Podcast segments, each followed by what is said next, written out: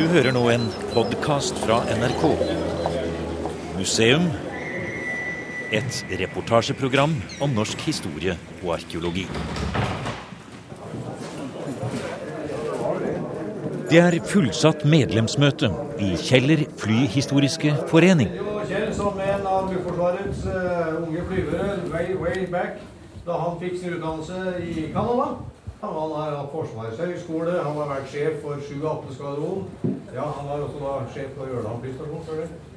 Gjest og hovedtaler er Kjell Lutnes fra Bodø. Ja, jeg er eh, pensjonert eh, generalmajor. Siste jobben i Forsvaret var eh, på luftkommander i Nord-Norge. Etter en tid har jeg vært syv år som direktør for Norsk Luftfartsmuseum. Og i, per i dag så jobber jeg med å av- og nedgradere eh, da Forsvarets dokumenter fra siste krig fram til i dag. I den store hangaren og verkstedene til Kjeller flyhistoriske forening bokstavelig talt henger pionertiden til den norske luftfartshistorien i veggene. Og I taket så har det det første flyet som er bygget på flyfabrikken. Og vingene sitter på veggen her. Det er en fransk modell som er bygd på lisens. John Bekkevold og Gjerman Råum viser fram Tiger Moth og Cornell og mange andre fly som er ferdig restaurert, eller som er under kyndig bygging. Så har vi et eh, det skoleflyet som ble brukt i Little Norway i Toronto. Det står eh, der inne under restaurering. Vi kjøpte et vrak, og vi begynner å nærme oss. Imponerende. altså. Disse som er pensjonister og som arbeider her og driver restaurerer, er det da tidligere flyvere, da? Det er tidligere mekanikere. Er det det der, ja? ja og flyingeniør. Nettopp.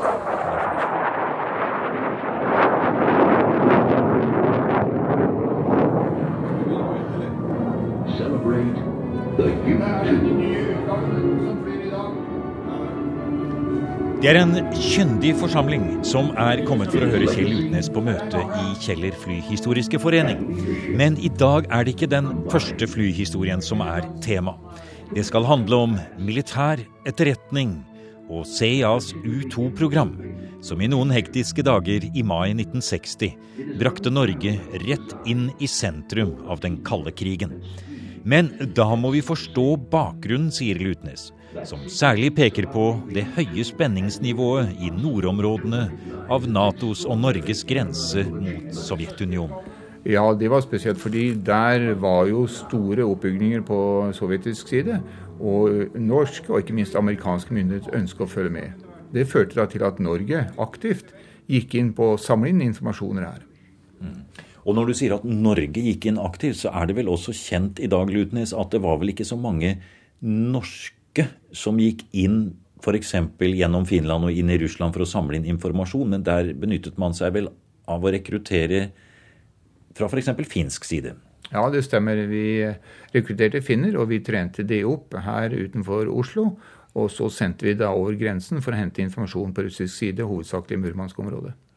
Det varte ikke så lenge, fordi russerne protesterte, ble kjent med den aktiviteten. Og de protesterte overfor Norge, og de protesterte overfor Finland, som da tillot at Norge holdt på med dette.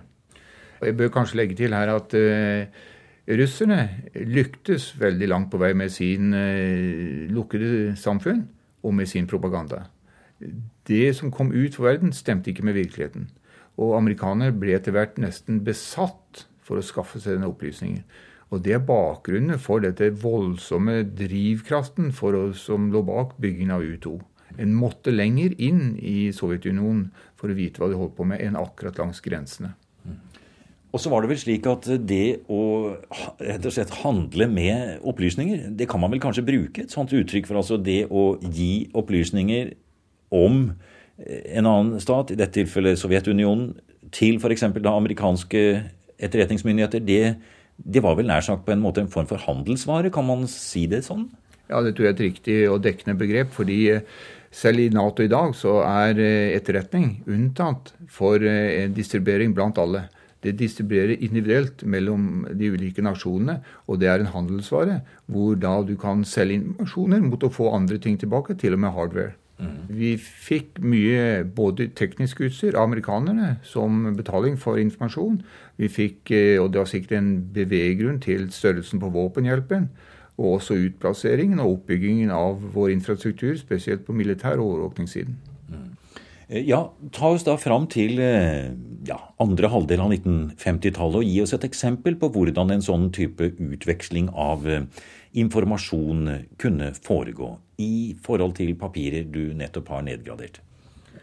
Ja, Noe av disse tingene som er interessant, er jo da også komme inn på Nå mangler vi noe av papirene, og jeg tror også de er forsvunnet med hensikt. Det, mhm. det, det er noe så, Men det finnes spor etter disse, disse, papirene her. Og når det gjelder konkret U2, så var det folk fra CIA som hadde møte med og de sier da senior military and civilian officials i forkant av deployeringen til Norge, hvor de informerte om U2-operasjonene. Hvem var med på det møtet? Fra norsk side vet vi ikke noe annet, eh, fordi eh, jeg har ikke sett noen norske dokumenter som bekrefter hvilke nordmenn som var til stede. Men fra amerikansk side så var eh, bl.a. noen fra ambassaden med. Det var også med oberst Stan Bailey, som ledet CIA-detasjementet i Norge i høsten 1958. De var i Oslo i månedsskiftet august-september. De kom med utstyr med transportfly, og de landet da på Fornebu og hadde møte med de, de norske offisielle representanter på militær og sivil side. Og så dro de videre til Bodø. Og de kom fysisk med flyene til Bodø den 15.9., så 14 dager senere. Han fløy over skyer hele veien opp, og det var ikke noe annet enn time heading. Han satte kurs, og så fulgte han klokka. Og så fløy han hele veien opp, og turen var ikke å penetrere og fly over Russland. Han skulle holde seg nord utenfor territorialgrensen, og så skulle han fly triangulering på SIGINT, altså kartlegging av radar, kommunikasjonsinstallasjoner. Møtet på Fornebu i månedsskiftet august-september 1958 mellom Stan Burley fra CIA og norske militære og sivile myndigheter var altså opptakten til de første U-2-operasjonene med Bodø som base. To eller tre U-2-fly var stasjonert der fra den 15. september til den 8. november, med fullt bakkemannskap, piloter og det som var nødvendig av teknisk utstyr. Det er fortsatt halvannet år til U2 og Bodø skal komme i alle verdens nyhetskanaler, og alle involverte har høyeste sikkerhetsklarering. U2-programmet, som i korthet gikk ut på overflyvning i svært stor høyde for å fotografere militære anlegg og kartlegge radarinstallasjoner, hadde startet allerede i 1956, med baser hovedsakelig i Tyskland, Tyrkia og Pakistan. Den eh, første flyvningen over eh, sovjetisk territorium skjedde 20.6.1956. Og den gikk da hovedsakelig over satellittlandet, men var innom eh, Leningrad og fotograferte skipsverftet i Leningrad. Andre tur var med eh, Carl Overstreet som pilot, var den 4. juli. Og det som er interessant da, var at eh, amerikanerne hadde mottagelse, for det var jo deres eh, uavhengighetsdag. Og Khrusjtsjov sammen med sine delegasjon som var i mottakelsen, de visste at U2 drev og fløy over sovjetisk territorium på dette tidspunktet. Ja. Men de hadde da selvfølgelig ikke sagt at de visste det. De hadde bare oppdaget det på sine radarer og lot amerikanerne tro at de, de var usett. Det ble ikke utvekslet noe informasjon om U2 under denne mottagelsen. Nå var jo amerikanerne ute allerede dagen etter, 5. juli. Og da var det Carmen Vito som fløy, og da fløy de til, ja, fløy til Minsk, og så fulgte han jernbanen, rette jernbanen til Moskva. Og det er første eneste gang de har overfløyet til Moskva. Og så eh, snudde han, så fløy vestover igjen via Leningrad og tilbake da til Giebelstadt i Tyskland, hvor de var stasjonert på det tidspunktet. Etter hvert som, som U2 samlet inn informasjon, så ble interessen for eh, de russiske interkontinentale ballistiske missilene og rakettene Dette var i Sputniks tid, og Laika ble skutt opp, og de ønsket å skaffe den informasjonen. Og det beste utgangspunktet var å fly ut fra Pakistan. Og det helt store, og det var jo det de kalte grand slam, og det er jo litt storslagent over selve uttrykket, det var altså fly over hele, det, hele Russland, fra Pakistan over Russland og landet i Bodø, Norge. Og jeg tror kanskje at amerikanerne ble litt overmodige, for eh, noen måneder tidligere hadde de fått flere signaler på at eh, russerne hadde utviklet eh, sine missiler og raketter som de var i ferd med å skyte ned.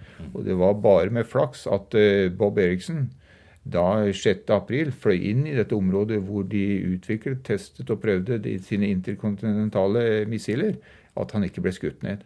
Det var bare flaks, og det var uorganisert mellom eh, kontroll av flyvere og kontroll av antiluftskytset, som gjorde og som reddet Bob Eriksen. For Bob Eriksen var altså da en av pilotene på U2? Ja, han var en av disse U2-flyene som da på det tidspunktet fløy også ut fra Pakistan. Hvor mange her var med på U2-operasjonen? Jeg vet én. Ja, jeg får høre. Jeg fløy på Kystskvadron fra 58 til 63. Jeg var oppe ved etter natt og klar natt og oppe i 53 000 fot, og så høyt over. Det er flere av tilhørerne på Kjeller flyhistoriske forening denne kvelden som har personlige øyenvitneskildringer av U2-flyene over norsk luftrom. Da var vi innkalt på møte dagen etter, og at vi hadde aldri sett noe, aldri hørt noe. Jeg visste ikke hva det var, men det var et svart kors på himmelen. Noen har deltatt i mer enn avskjæringsmanøvrer, og føler ingen trang til å fortelle offentlig om det. Men det er liten tvil om at det var flere piloter i det norske luftforsvaret som både skrev og fikk inndratt sine rapporter om U2-observasjoner, og kanskje også mer direkte deltakelse. Du vet å være 25 år gammel og få være med på dette her, og du har det hurtigste flyet ja. som fins. De første turene jeg fløy, så visste ikke jeg at det var en U2 engang som lå der oppe. Ja.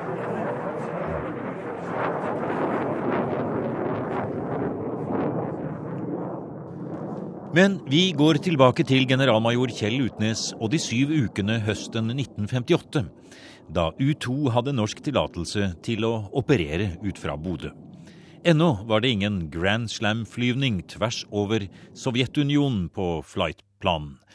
Målet denne gangen var bl.a. å utforske sovjetiske atominstallasjoner i Arktis. Og Argumentasjonen for dette det var å samle inn prøver fra atomprøvesprengning til russerne på Novaja Zemlja.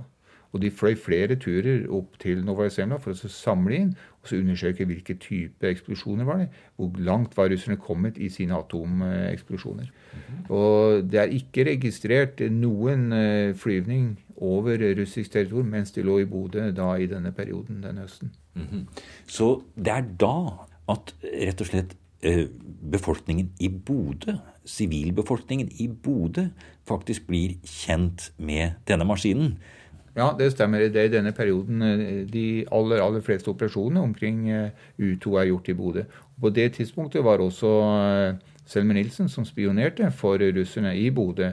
Og han hadde da ubegrenset tilgang på penger for å assosiere og være sosial sammen med de norske offiserene, og ikke minst de amerikanske. Mm. Og han eh, gikk jo ofte tur i området rundt flyplassen?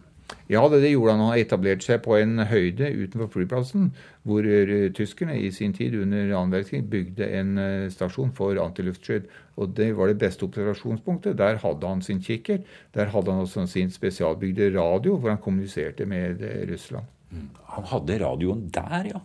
Han hadde radioen der og kommuniserte med russerne. De var interessert i flyet både tidspunktet når det gikk, og tidspunktet når det kom. Mm.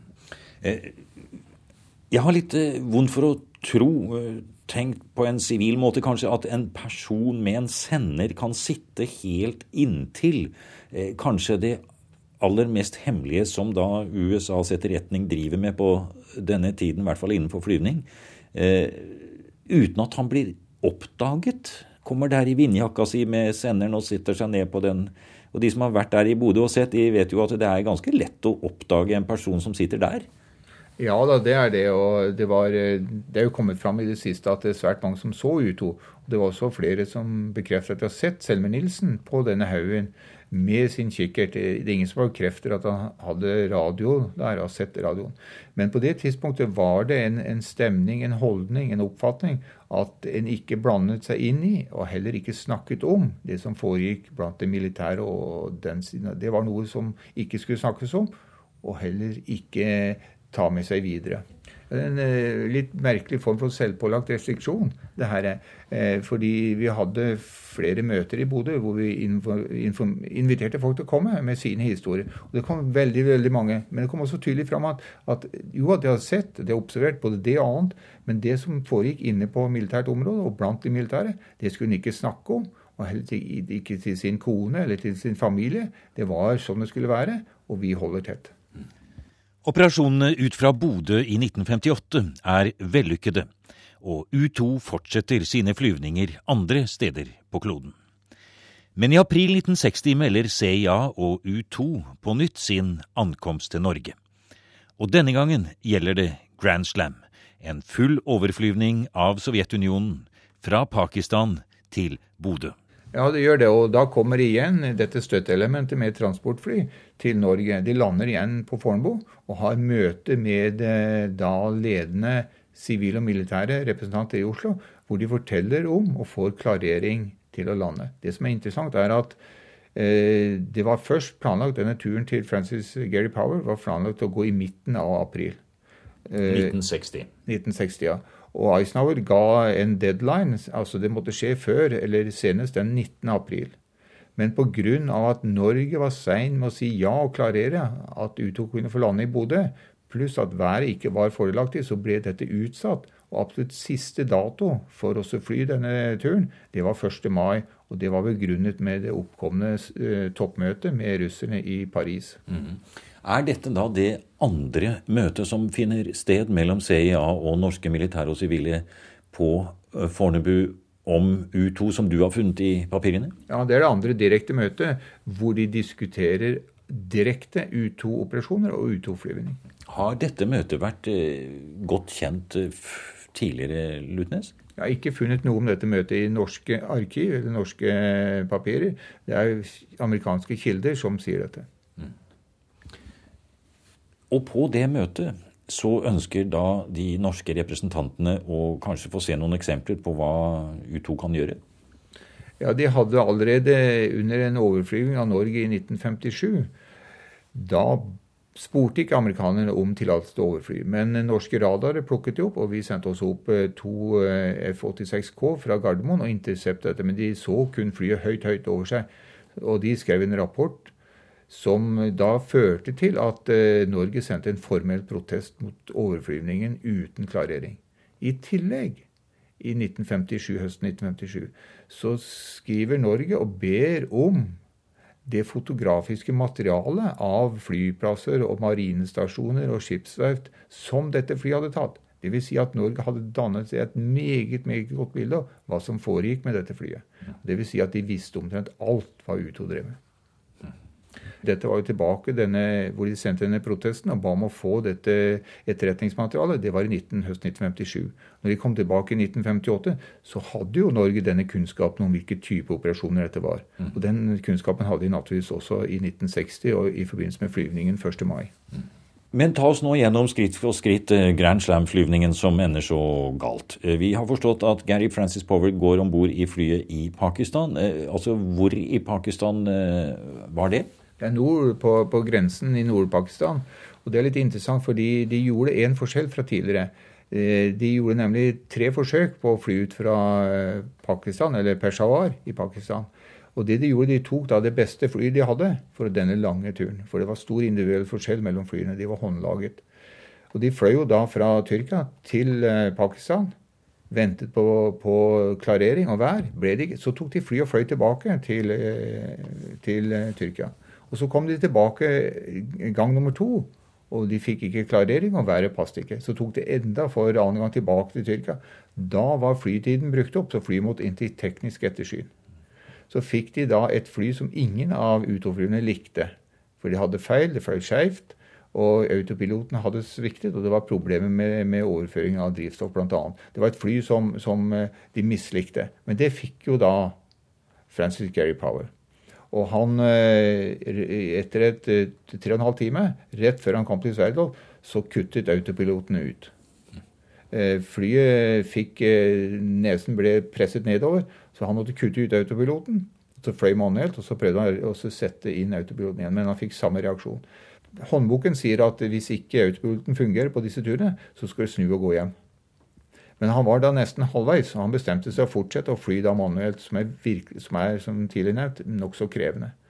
Og rett etter han passerte det målområdet, den flyplassen han skulle ha ved Sverdlovsk og de industrianleggene, så svingte han vestover. Og etter hvert sånt eh, punkt så skulle en gå gjennom en rekke av, sjekke instrumentene, sjekke drivstoff, sjekke høyde og en sånn ting. Da smalt det bak ham. Han så et lynglimt, og så ble flyet skjøvet fremover. Han ble kastet fremover.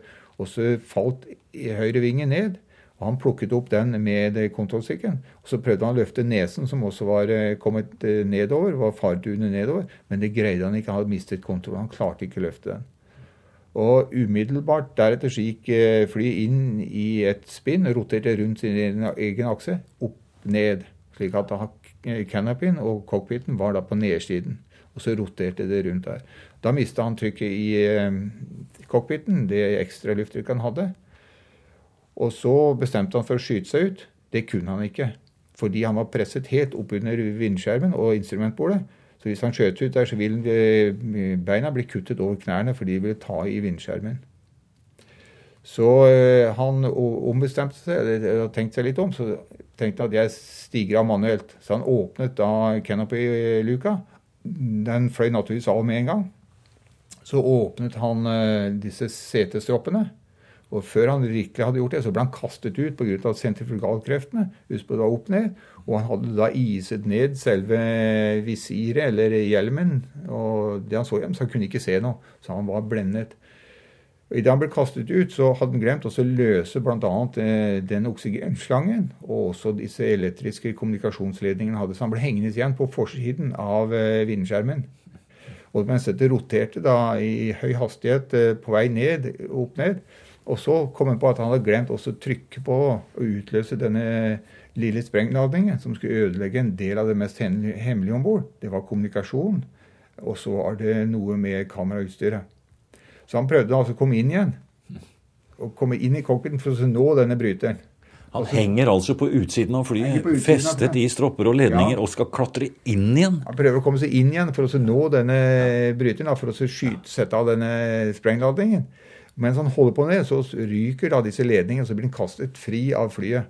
Og så har han da et voldsomt langt fritt fall eh, nedover. Han følte det veldig befriende, skriver han. Veldig befriende. Var veldig, veldig flott å bare seile rundt. Det er så sveve fritt. Altså. Men det var jo en veldig kritisk og, og situasjon. Men denne følelsen plutselig slo opp da etter at han har kjempet desperat her og blir sittende fast i disse ledningene. Og hvis han hadde kunnet se gjennom sitt nedfrosne visir, så hadde han altså da sett uh, Russland under seg, Sovjetunionen som da langt der nede. For han var jo fryktelig høyt oppe, så han visste jo at denne turen ned, den skulle i grunn ta en lang tid. Ja, det gjorde det. Og det var fritt fall. Eh, og hadde han sett ut, så hadde han sett uh, moder Russland svinge rundt og rundt og rundt.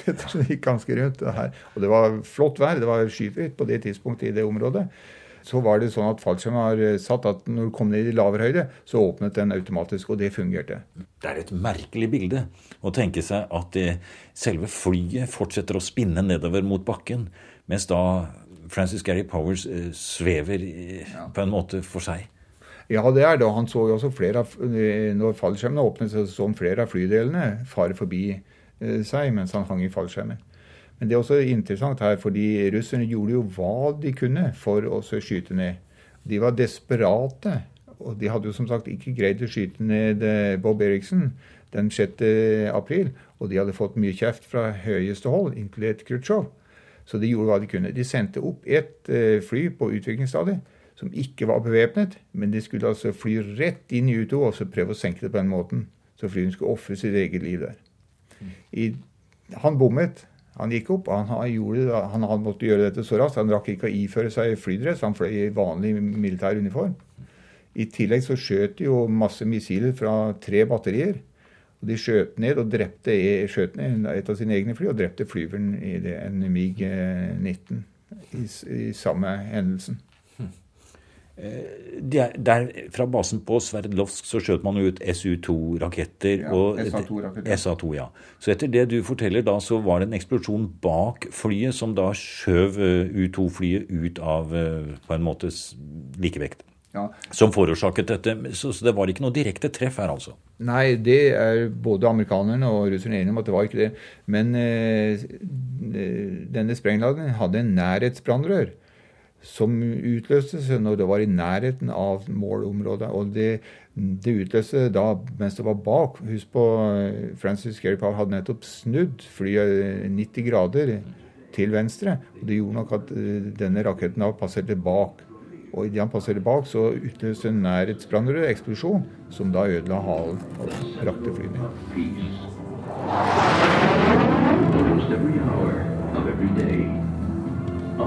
Jeg tilkalte i dag De forente staters ambassadør og protesterte på regjeringens vegne mot den planlagte mellomlanding i Bodø.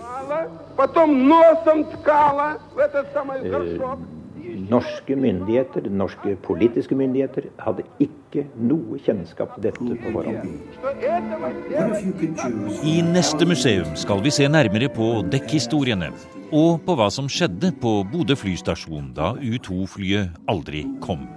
Coming up, a rare look inside the government's most mysterious agency.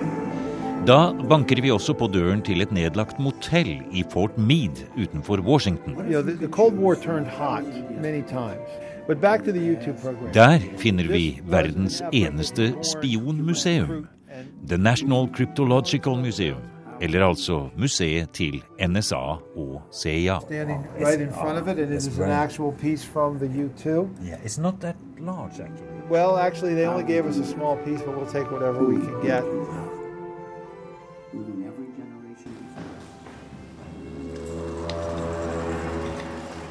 Du har nå hørt programmet Museum som podkast fra NRK. Museum sendes i NRK P2 på lørdager og søndager. Du finner flere programmer på nrk.no podkast.